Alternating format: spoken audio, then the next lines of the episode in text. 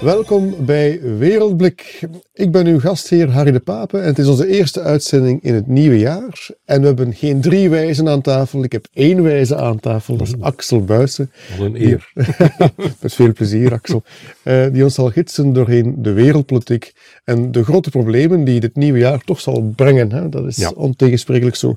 Het lijkt me interessant om meteen te springen um, op het EU-voorzitterschap van België. Ja. Dat is dicht bij huis. Mm -hmm. um, begon meteen goed. Charles Michel stapt op ja. als Europees president. Ja, ja wat is dat uh, allemaal? Dat is ronduit beschamende. Wat daar ook de reden achter is. Hè? Waarschijnlijk is het gewoon omdat hij uh, zeker wil zijn dat hij, dat hij weer een post heeft uh, na de Europese verkiezingen.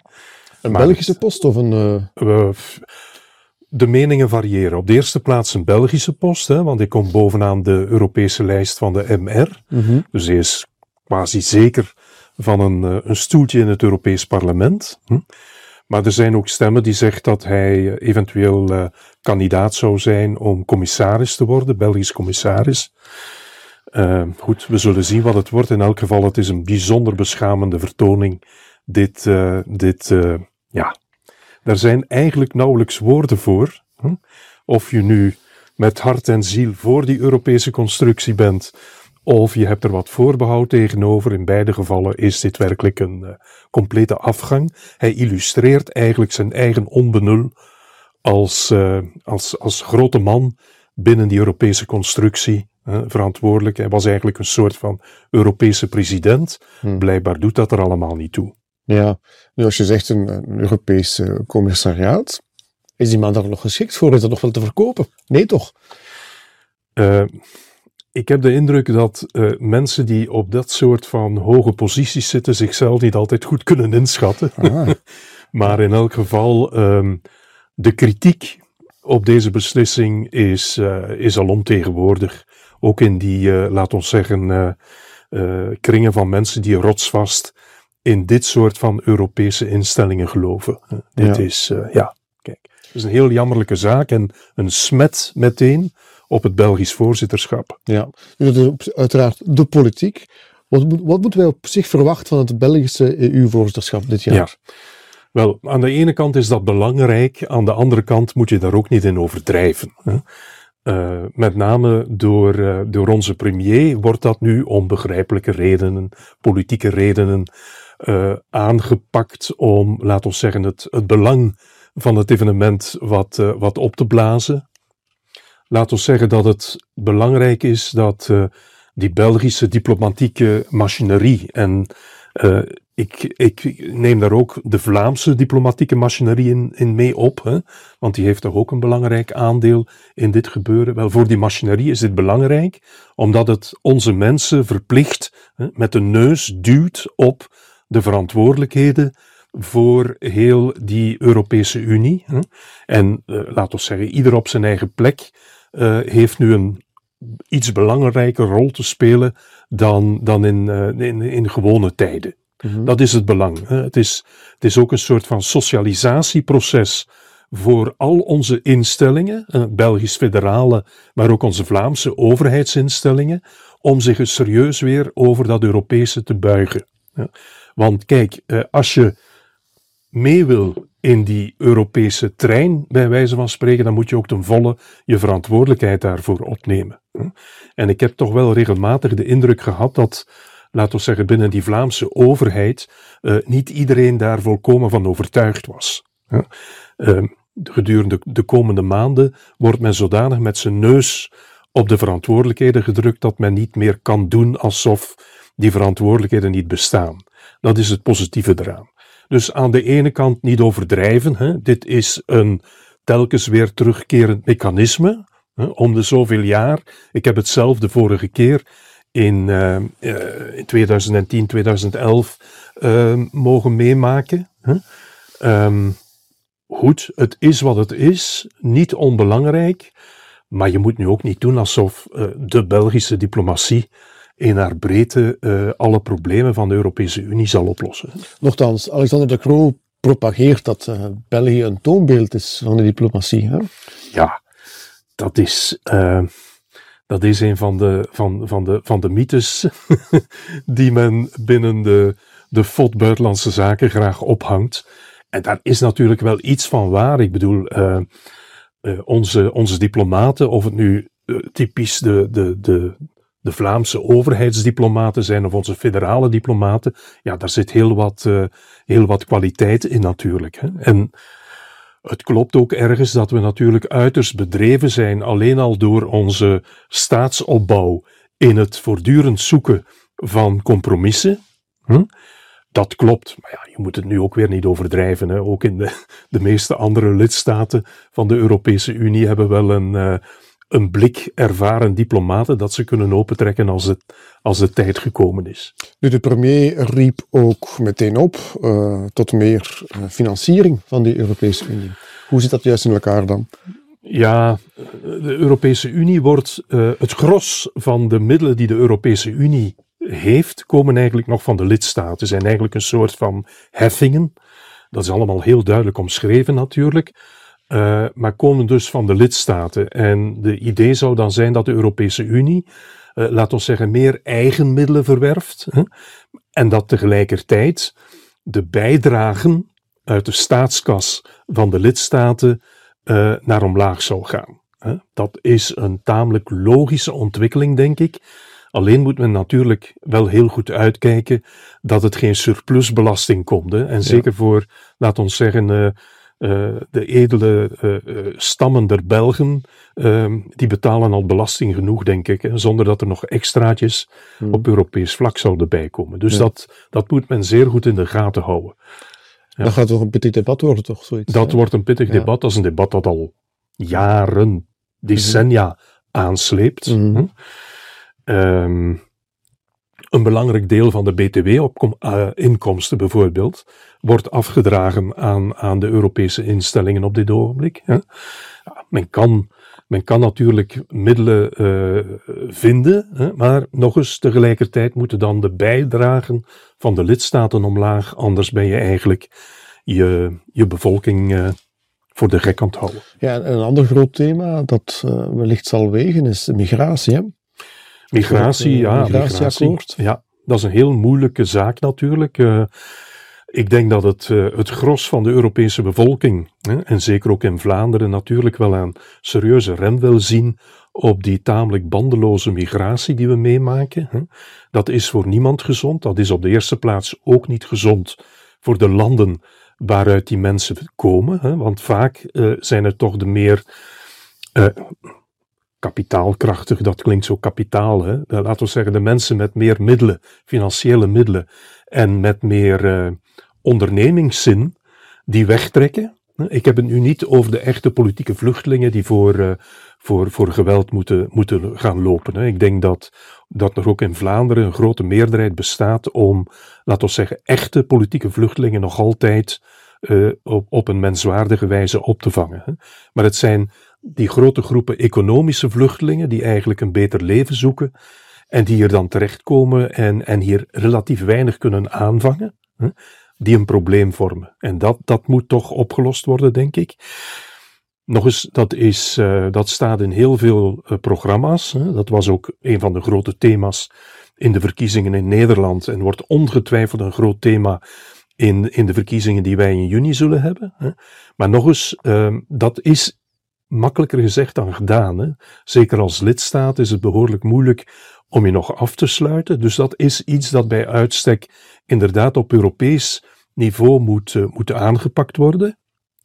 En waarbij men ja, het juiste evenwicht zal moeten nastreven tussen, laat ons zeggen, uh, menslievendheid en uh, respect voor de mensenrechten aan de ene kant. Hè, en toch een stop op de naïviteit die vaak gepreekt wordt in verband met, die, uh, met open grenzen en dat soort zaken. Het is duidelijk dat Europa een open grenzenpolitiek niet aan kan. Ja, dat is ja. overduidelijk. Dus daar, daar moet men een stop op zetten.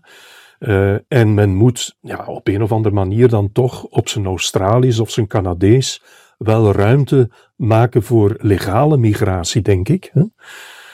Um, maar het heeft weinig zin om grote groepen mensen uh, binnen te halen die dan ja, geen enkele kans maken op een, uh, menswaardig, onafhankelijk bestaan in onze landen, omdat ze over geen enkele kwalificatie beschikken. Ja. Dat is, uh, en dat levert dus een minpunt op voor de landen waaruit ze voortkomen. Hè. Ja, dat is eigenlijk sowieso een verlies. Hè.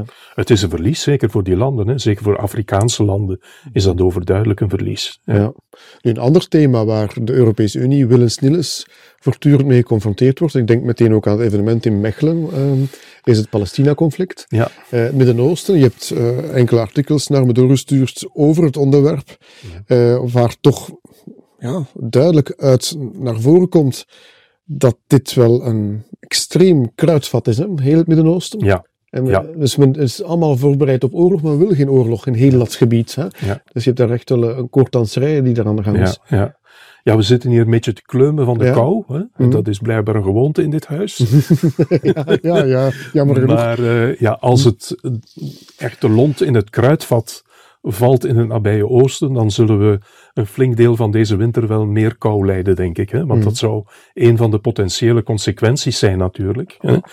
Ehm, aan de ene kant heeft men, en met men bedoel ik de serieuze analisten, die eh, gespecialiseerd zijn in het volgen van alle bewegingen in het nabije oosten, ehm, heeft men de indruk dat eh, geen enkele van de eh, belangrijke betrokken partijen op dit ogenblik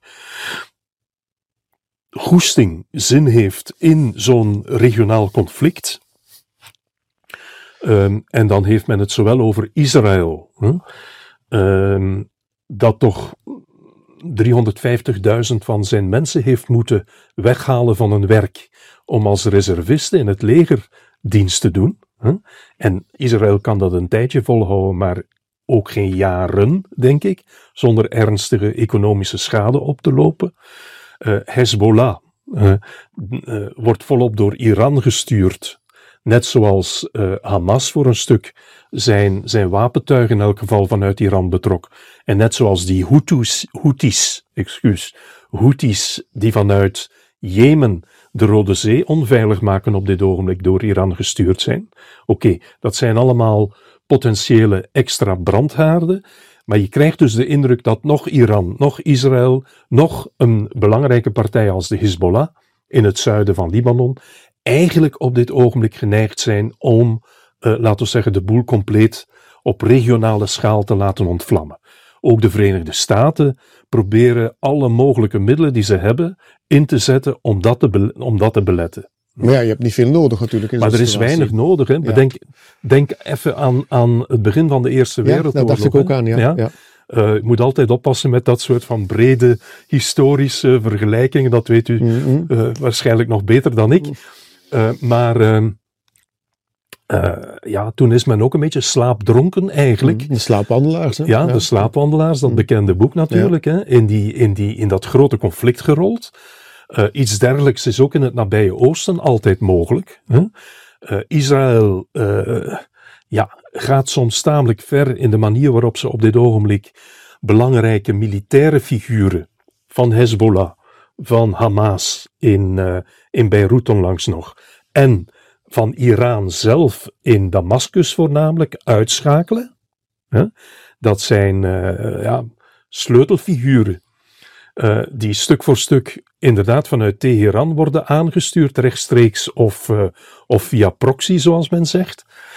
Ja, aan de ene kant kun je zeggen, ja, dat is, dat is normaal, hè, want dat zijn de belangrijkste aanstichters vaak voor de ellende die Israël heeft meegemaakt op 7 oktober. Hè, en dat mag toch altijd niet, dat mag ook niet vergeten worden hè, in alle bekommernissen die men heeft over de burgerslachtoffers in Gaza op dit ogenblik. Hè. Dus geen enkele partij wil echt een open conflict, omdat iedereen, Hezbollah bijvoorbeeld, Libanon is economisch nu al een rampgebied. Als er een open conflict komt met Israël, dan is dat voor de burgerbevolking van Libanon een, een megaramp.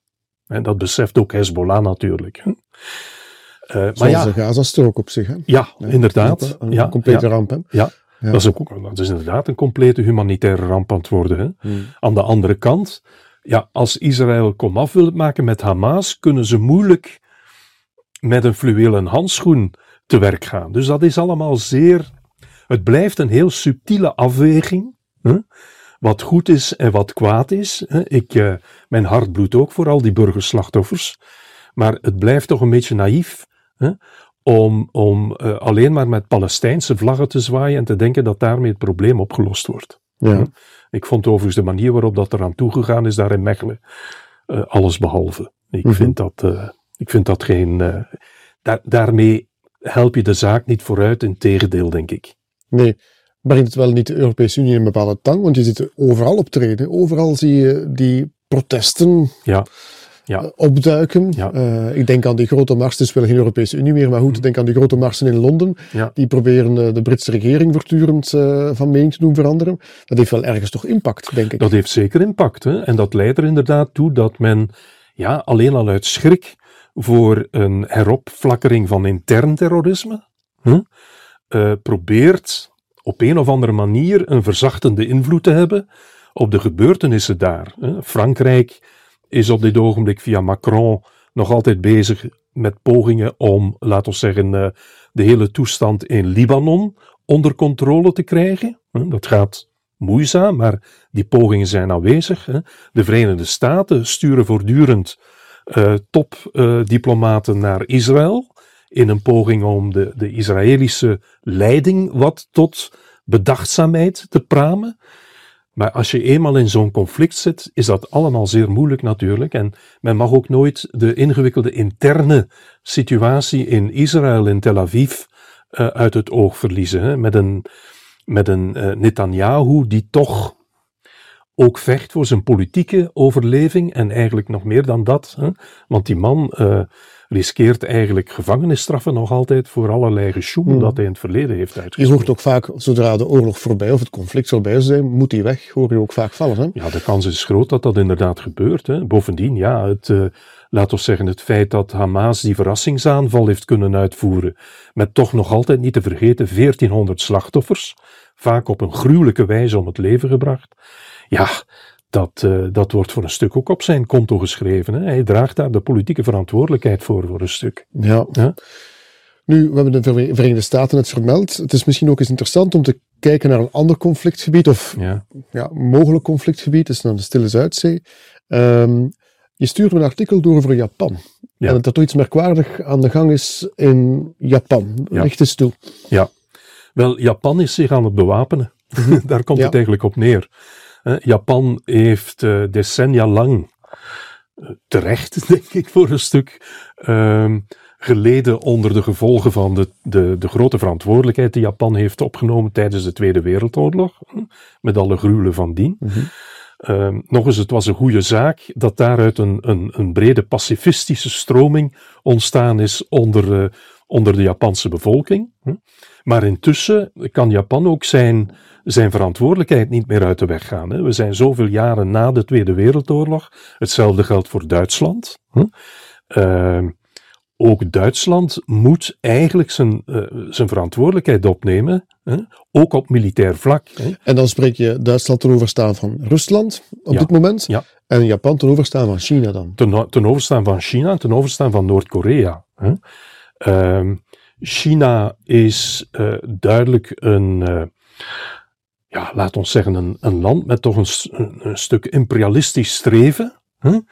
Of dat wereldwijd bedoeld is, dat geloof ik niet. hè.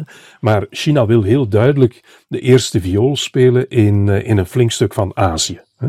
De bizarre wijze waarop ze tegen elk eh, juridisch advies, onder andere van het eh, arbitragehof in Den Haag, in de hele Zuid-Chinese zee opeisen en dat kracht bijzetten met eh, de uitbouw van allerlei kunstmatige eilanden in die Zuid-Chinese zee, is daar een voorbeeld van. Hè? De manier waarop ze Taiwan willen inlijven. Hè? En eh Xi, eh, de grote leider van, van China, heeft tijdens een nieuwjaarsboodschap nog eens herhaald dat Taiwan deel uitmaakt van China. En, En daar vinden verkiezingen plaats binnenkort in en Taiwan. in Taiwan vinden verkiezingen plaats. Dat is altijd een, een gevaarlijk moment. Hè? Eh, China kan altijd ingrijpen, ingrijpen als ze vinden dat die verkiezingen de verkeerde kant uitgaat. En de verkeerde kant voor China, dat is een benadrukken van de onafhankelijkheid van Taiwan. Taiwan is een heel belangrijke speler, ook voor ons, onder andere op het vlak van, uh, van chips. Hè? Niet de chips in de knarsende plastic zakken, maar de, de spullen die we in al onze elektronische apparaten vinden. Ja. Hm. Um, je hebt China, je hebt Noord-Korea, dat ook weer heel vervelend aan het doen is, met artilleriebeschietingen die uh, net niet of net wel op Zuid-Koreaans grondgebied terechtkomen. Um, Noord-Korea dat verder oorlogszuchtige taal uitslaat. Ja, je kunt zeggen, wat zijn dat voor onnozelheden die daar verteld worden. Maar ja, je weet maar nooit hè, met zo'n regime tot wat dat in staat is. Nu en dan hebben ze ook al uh, ballistische raketten over Japan heen gestuurd. En Japan kan dit niet langer pikken. Hè. Japan moet een stuk van zijn verantwoordelijkheid opnemen, samen met de Verenigde Staten, maar ook samen met, uh, ja, met Vietnam, hè, dat ook leidt onder dat Chinees imperialisme, samen met de Filipijnen, waar ook al veel problemen mee geweest zijn, China, Filipijnen, en met landen als Nieuw-Zeeland en Australië. Hmm. Men moet een soort van westers tegengewicht bieden. En goed, Vietnam, dat is dan een speciale situatie binnen die, die, die losse alliantie. Uh, maar men moet toch duidelijk tonen dat en China en Noord-Korea niet alles kunnen doen wat ze zouden willen. Wat is dan de kentering geweest voor Japan? Ik denk dat uh, Noord-Korea eigenlijk de doorslag geeft, de agressieve wijze waarop Noord-Korea te werk is gegaan ten aanzien van Japan. Uh, China speelt natuurlijk ook een grote rol. Hè.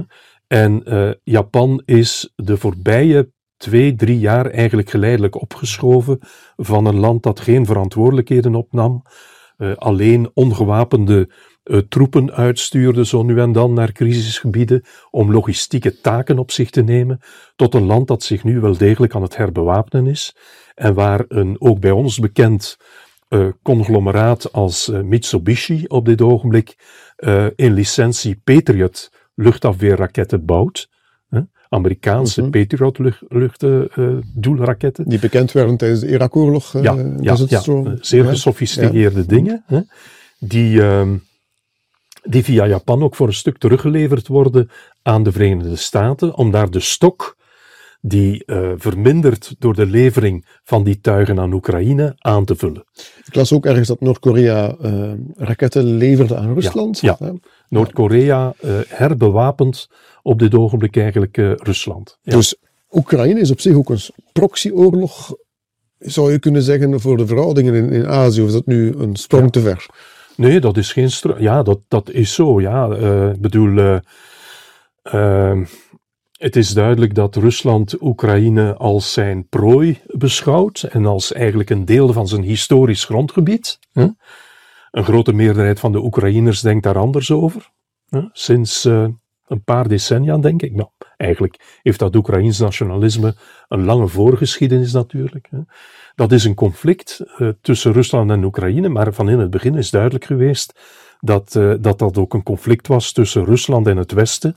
En je merkt in de, uh, het betoog van Poetin heel duidelijk dat hij intussen de zaak heeft verlegd hè, en niet meer praat over conflict met Oekraïne alleen, maar met het hele Westen. Hè.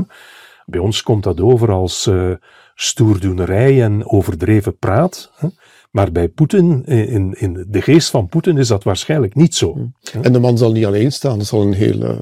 Ja. De man staat zeker niet alleen. Hè. We moeten ons geen illusies mhm. maken over de wijze waarop uh, het gros van de Russen daarover denkt. Hè.